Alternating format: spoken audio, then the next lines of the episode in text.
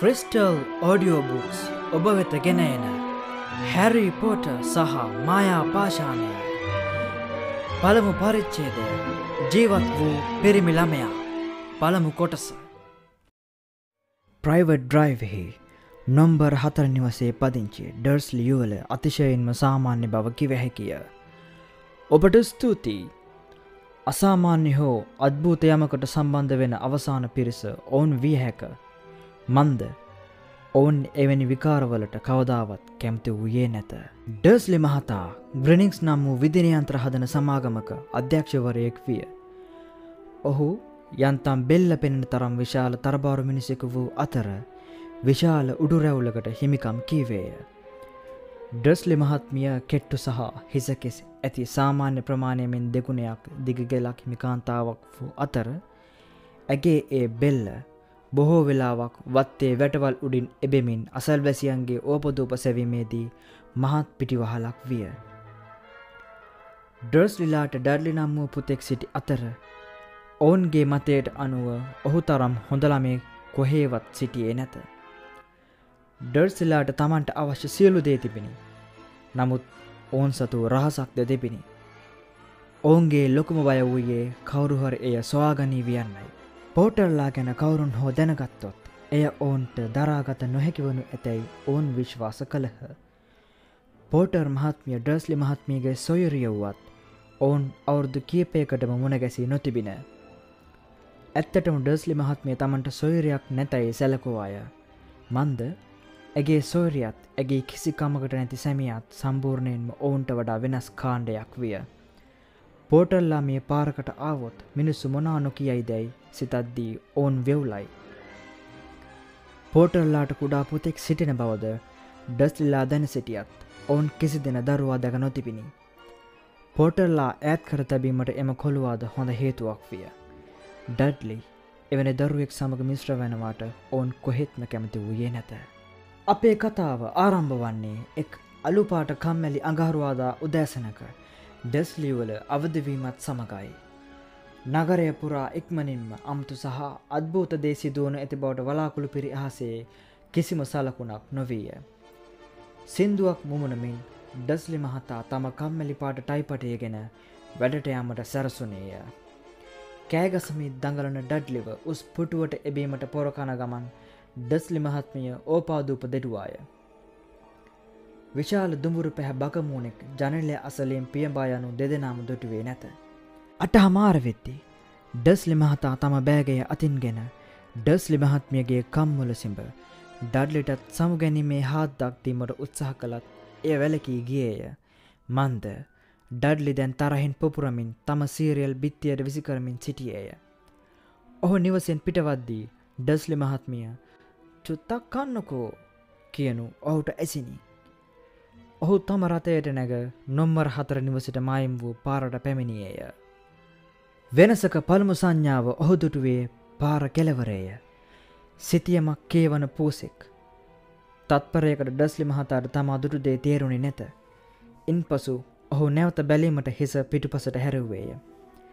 Private ඩ්‍රයිව්හි කෙලවරේම මහත පූසෙක් සිටගෙන සිට නමුත් පෙනන තෙක්මානයක සිතියමක් නොවීය. ඔහු සිතමින් සිටියේ කුමක් ගැනද. එය ආලෝකය නිසා සිදු වූ රැවටිල්ලක් විය හැක. ඩස්ලි මහතා ඇස් පිල්ලං ගසා පෝසා දෙස බලා සිටියේය. ඌද ඔහු දෙස බලා සිටියේය. ඩස්ලි මහතා වංගුවෙන් හරවා පාර ඉහලට යද්දී ඔහු තම පැති කන්නාඩියෙන් පූසා දෙස බලා සිටියේය. ඌ දැන් ප්‍රයිවට් ඩ්‍රයිව් නම ලියන ලද සංඥාපූරුව කිවයි. නෑ ඒ දෙස බලා සිටි. පූසන් සිතියම් හෝ සංඥාපෝරු කියවන්නේ නැත. ඩස්ලි මහතා තම හිස සොලවා පූසා ගැන වූ අදහස තම සිතෙන් පලවා හැරියේය. ඔහු නගරය දෙසට රේ පදවද්දී එදින ගැනීමරනීමට විශාල විදිනයන්ත්‍ර ඇනවුමක් ගැන හැරෙන්න්නට වෙන කිසිවක් ඔහුගේ සිතේ නොවීය. නමුත් නගරය කෙලවරට ළඟාවෙත්ම වෙනත් දෙයක් ඔහුගේ සිතින් විදිනයන්ත්‍ර පන්නා දැම්මේය. ඔහු සුපුරුදු පරිදි වාහන තද බදේ රැඳිද්දී අමුතු ඇඳුම් ඇඳි මිනිසුන් විශාල පිරිසක් සිටිනු ඔහු ඇස ගැටිනි. ඒ දිගුකබා ඇති මිනිසුන් පිරිසකි. විකාර ඇඳුම් ඇඳි පිරිස ඩස්ලි මහතාට රිස්සුවේ නැත. එම තරුණ පිරිස සැරසේ සිටි අයුරු. මේ අලුත් මෝඩ විලාසිතාවක් යැයි ඔහු උපකල්පනය කළේය. ඔහු තම ඇගලිවලින් සුක්කානමට තට්ටු කරමින් සිටින අතරේ තමන් අසල්ම රැස්වී සිටි එම අමුතු මිනිසුන් පිරිසක් වෙත ඔහුගේ ඇසරැඳිනි. ඔවුන් එකතු වී උද්දාමෙන් මුමුණමින් සිටියෝය. ඉන් දෙදෙනෙක් කිසි සේත්ම තරුණ නෝ බව දැක ඔහු කෝපයට පත්විය. එක් මිනිසෙක් ඔහුටත් වඩා වයස වියුතු අතර එමරල් කොල පැහැදිකු කපායක් ඇඳ සිටීමට ඔහුගේ තරහට හේතුවිය. නමුත් ඉන් පසු ඔහුගේ සිතට ආවේ මේ බොහෝ විට මොකක් හෝ මෝඩ ව්‍යාපාරයක් විය යුතු බවයි. මේ මිනිසුන් අනිවාර්ය මොකක් හරි දෙයක් වෙනුවෙන් සල්ලි එකතු කරනවා විය යුතුය. ඔව් ඒක එහෙම වෙන්න ඇති. වාහන ඉදිරියට ඇදුනෙන් විනාඩි කිහිපයකට පසු ඩස්ලි මහතා ග්‍රිනිින්ස් රථගාල වෙත පැමිණියේ විද්‍යනයන්ත්‍රවලින් නැවතත් සිතපුරවා ගනිමිනි. ඩස්ලි මහතා නවවෙනි මහලෙ වූ තම කාර්යාලයේ හැමුවිටම හිඳගන්නේ ජනලයට පිටු පස හරුවමිනි. එසේ නෝනානම් ඒ උදෑසන ඔහුට විද්‍යනයන්ත්‍ර ගැන සිතයුදවීම ඉතා අපාසු වනු ඇත. මහදවල් හිරු එලියේ එහෙ මෙහි පියාඹන බකමුණන් ඔහු නොදුටුවත් පහළ මාර්ගයේ ගමන් ගනිමින් සිරි මිනිසුන් ඔවුන්ව දැක තම හිස්වලට ඉහලින් එකාට පසු තව එකෙක් ලෙස පියාඹන බකමූනන් දෙස කට ඇරගෙන බලා සිටින්නටත් අත දිගු කරමින් අන් අයට උන්න පෙන්න්නන්නටත් විය. ඔවන් බොහෝ දෙනෙක් රාත්‍රයේදීවත් බකමූනෙක් දැක තිබුණේ නැත. ඒ කෙසේ වෙතත් ඩස්ලි මහතාට නම් බොහොම සාමාන්‍ය බකමෝනන්ගේ තොර උදාසනක් ලැබී තිබිණි. ඔහු වෙනස් පුද්ගලයන් පස් දෙනකොට කෑගැසුවේය. ඔහු ඉතා වැදගත් දුරකතන් ඇම්තුම් කීපයක් ගැන තවටිකක් කෑගැසුවේය.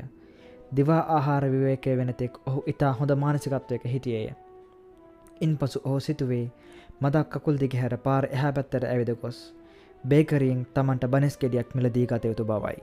බේගරි අසල වූ දිගු කබා ඇති පිරිසක් පසු කරනතෙක් ඔහුට ඔවුන් ගැන අමතක වී තිබිණි. ඔවුන් පසුවෙද්දී ඔහු තරහින් එ දෙස බැලුවේය. හේතුව දැන නොසිටියත් ඔවුන් ඔහු අපහසුවට පත් කරයි. මේ පිරිස උද්ධාමෙන් මුමනයි. එකම මුදල් එකතු කිරීමේ පෙට්ටියක්වත් පෙනනට වූයේ නැත. විශාල ඩෝනට් එකක් මල්ලක ඔබමින් ඔවුන් පසු කරද්දී ඔවුන් කිව් වචන කිහිපයක් ඔහුගේ කන වැටිනි. පෝටල්ලා ඒක හරි? ඔවු. එහෙම තමයි මට ආරංචේ. එයාලගේ පුතා හැරි. ඩස්ලි මහතා එතැනම ගල් ගැසුනේය. ඔහු බීතියෙන් උතුරා ගියේය. තමන්ට යමක් කීමට ඇතිවාක්මෙන් ඔහු කොඳුරන්නන් දෙසිට හැරුණේය. නමුත් නැවත ඒ ගැන සිතා බැලුවේය ඔහු පාරහරහා ආපසු බලමින් තම කාර්යාල වෙත ඉක්මන් ගමන් කළේය තමන්ට බාධා නොකරන ලෙස ලේකම්ට වහා කිජු ඔහු දුරකතනය අතරගත්තේ තම සිත වෙනස් වෙන විට සම්පූර්ණයෙන්ම වගේ ගෙදර නම්බරය ඔබා තිබිණි. ඔහු රිසිවරය ආපසු තබා තම උඩුරැවුල ඇදගනිමින් කල්පනා කළේය. නෑ.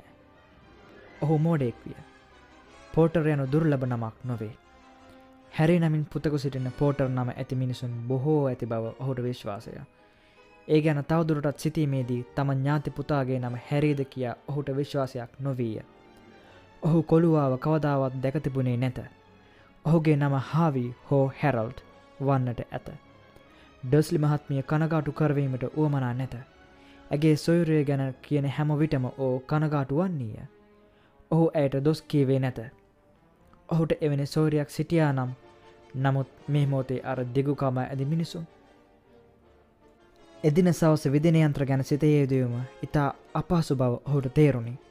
හවස පහට ඔහු ගොඩනැගෙල්ලෙන් පිටත් වෙද්දී ඔහු ඒ ගැනම සිතමින් කනගාටුවමින් එලියට ආවේ කෙලින්ම පැමිණ එලිය දොරකඩ සිටි අයකුගේ ඇගේ හැපුණේය.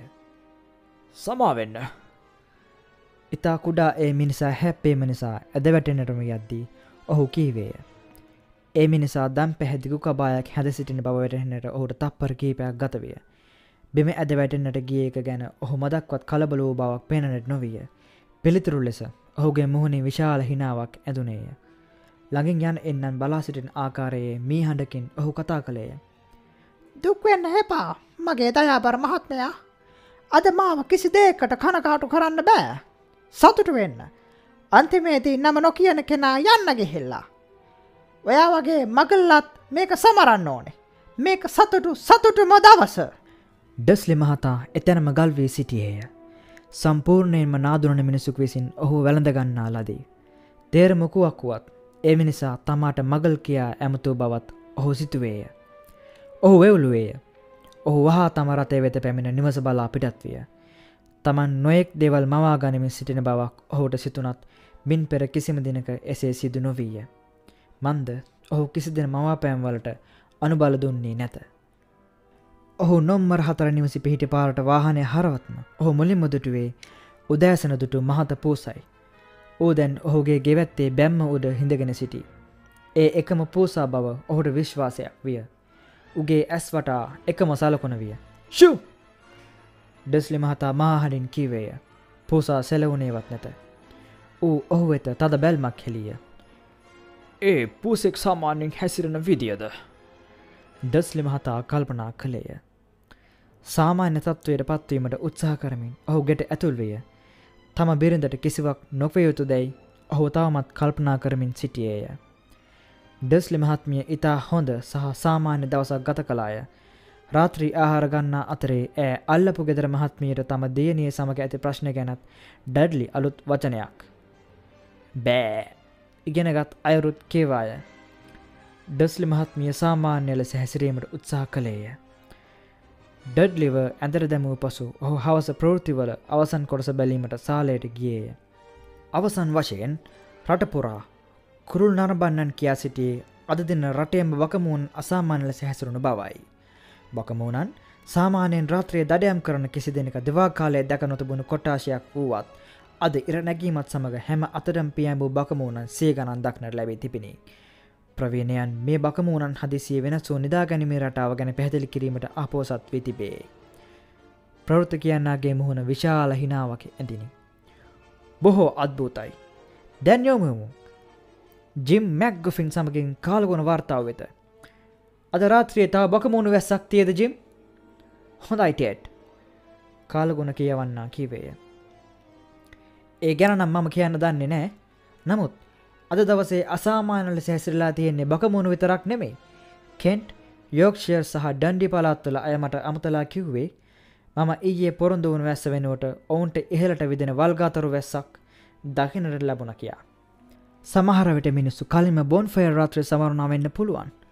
ඇත්තටම ඒකට තව සතියක් තියෙනවා. මිත්‍රවරුණි ඒත් අද මට තෙත රාත්‍රයක් ඔබලාට පොරොන්දු වෙන්න පුළුවන්. ඩස්ලි මහතා තම ඇතිපුටුවේ ගල් ගැසිනි.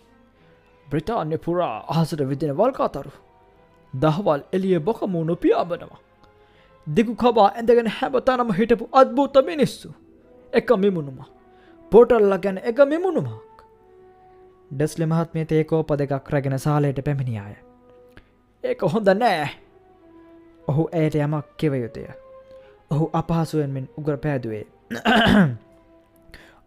පෙට්ටනියා පැටියෝ ළඟදි ඔයාගේ නගේ එහෙම කතා කළේ නෑ නේද.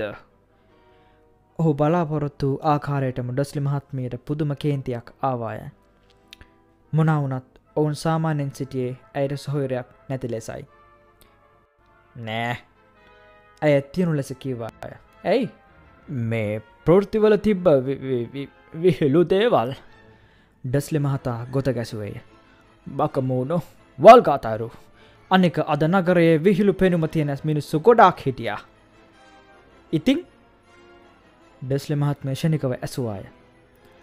මේකයි මම නිකං හිතුවේ සමහර විට ඒවා මේ ඔයා දන්නවානේ එයාගේ කට්ටියගේ වැඩක් වෙන්න පුළුවන්. ඩස්ලි මහත්මිය තොල් තද කරගෙන තේපානය කලාය. තමන්ට පෝටර් නම ඇසුන බව කියනවද නැද්දයයි ඔහු සිතින් සිතුවේය. එය කියව යුතු නැති බව ඔහු සිතුවේය. ඒ වෙනුවට ඔහු බොහෝ සාමාන්‍ය ලෙස කතා කළේය. එයාලගේ පුතා අපේ ටඩ්ලිග වයසමයි නේද මම හිතන්නේ. ඔව් මම හිතන්නේ ඩස්ලි මහත්මය ගොරෝස ලෙස කීවාය. මොකත්ත ඒ ළමයාගේ නම කිව්වේ. හොවාට් නේද. හැරි විකාර හැම තැනම තියෙන නමක්කානේ ඕ හරි තම හදවත බයෙන් ගැහෙද්දී ඩස්ලි මහතා කීවේය. ඔවු ඒක නං ඇත්ත ඔවුන් ඉහල නිදන කාමරයට ඇද්දී ඔහු ඒ ගැන තව කිසිවක් නොකිවේය. ඩස්ලි මහත්මිය නානකාමරයේ ඉන්න අතර ඩස්ලි මහතා ජනලෙන් එබී පහළ ගෙවත දෙස බැලුවේය.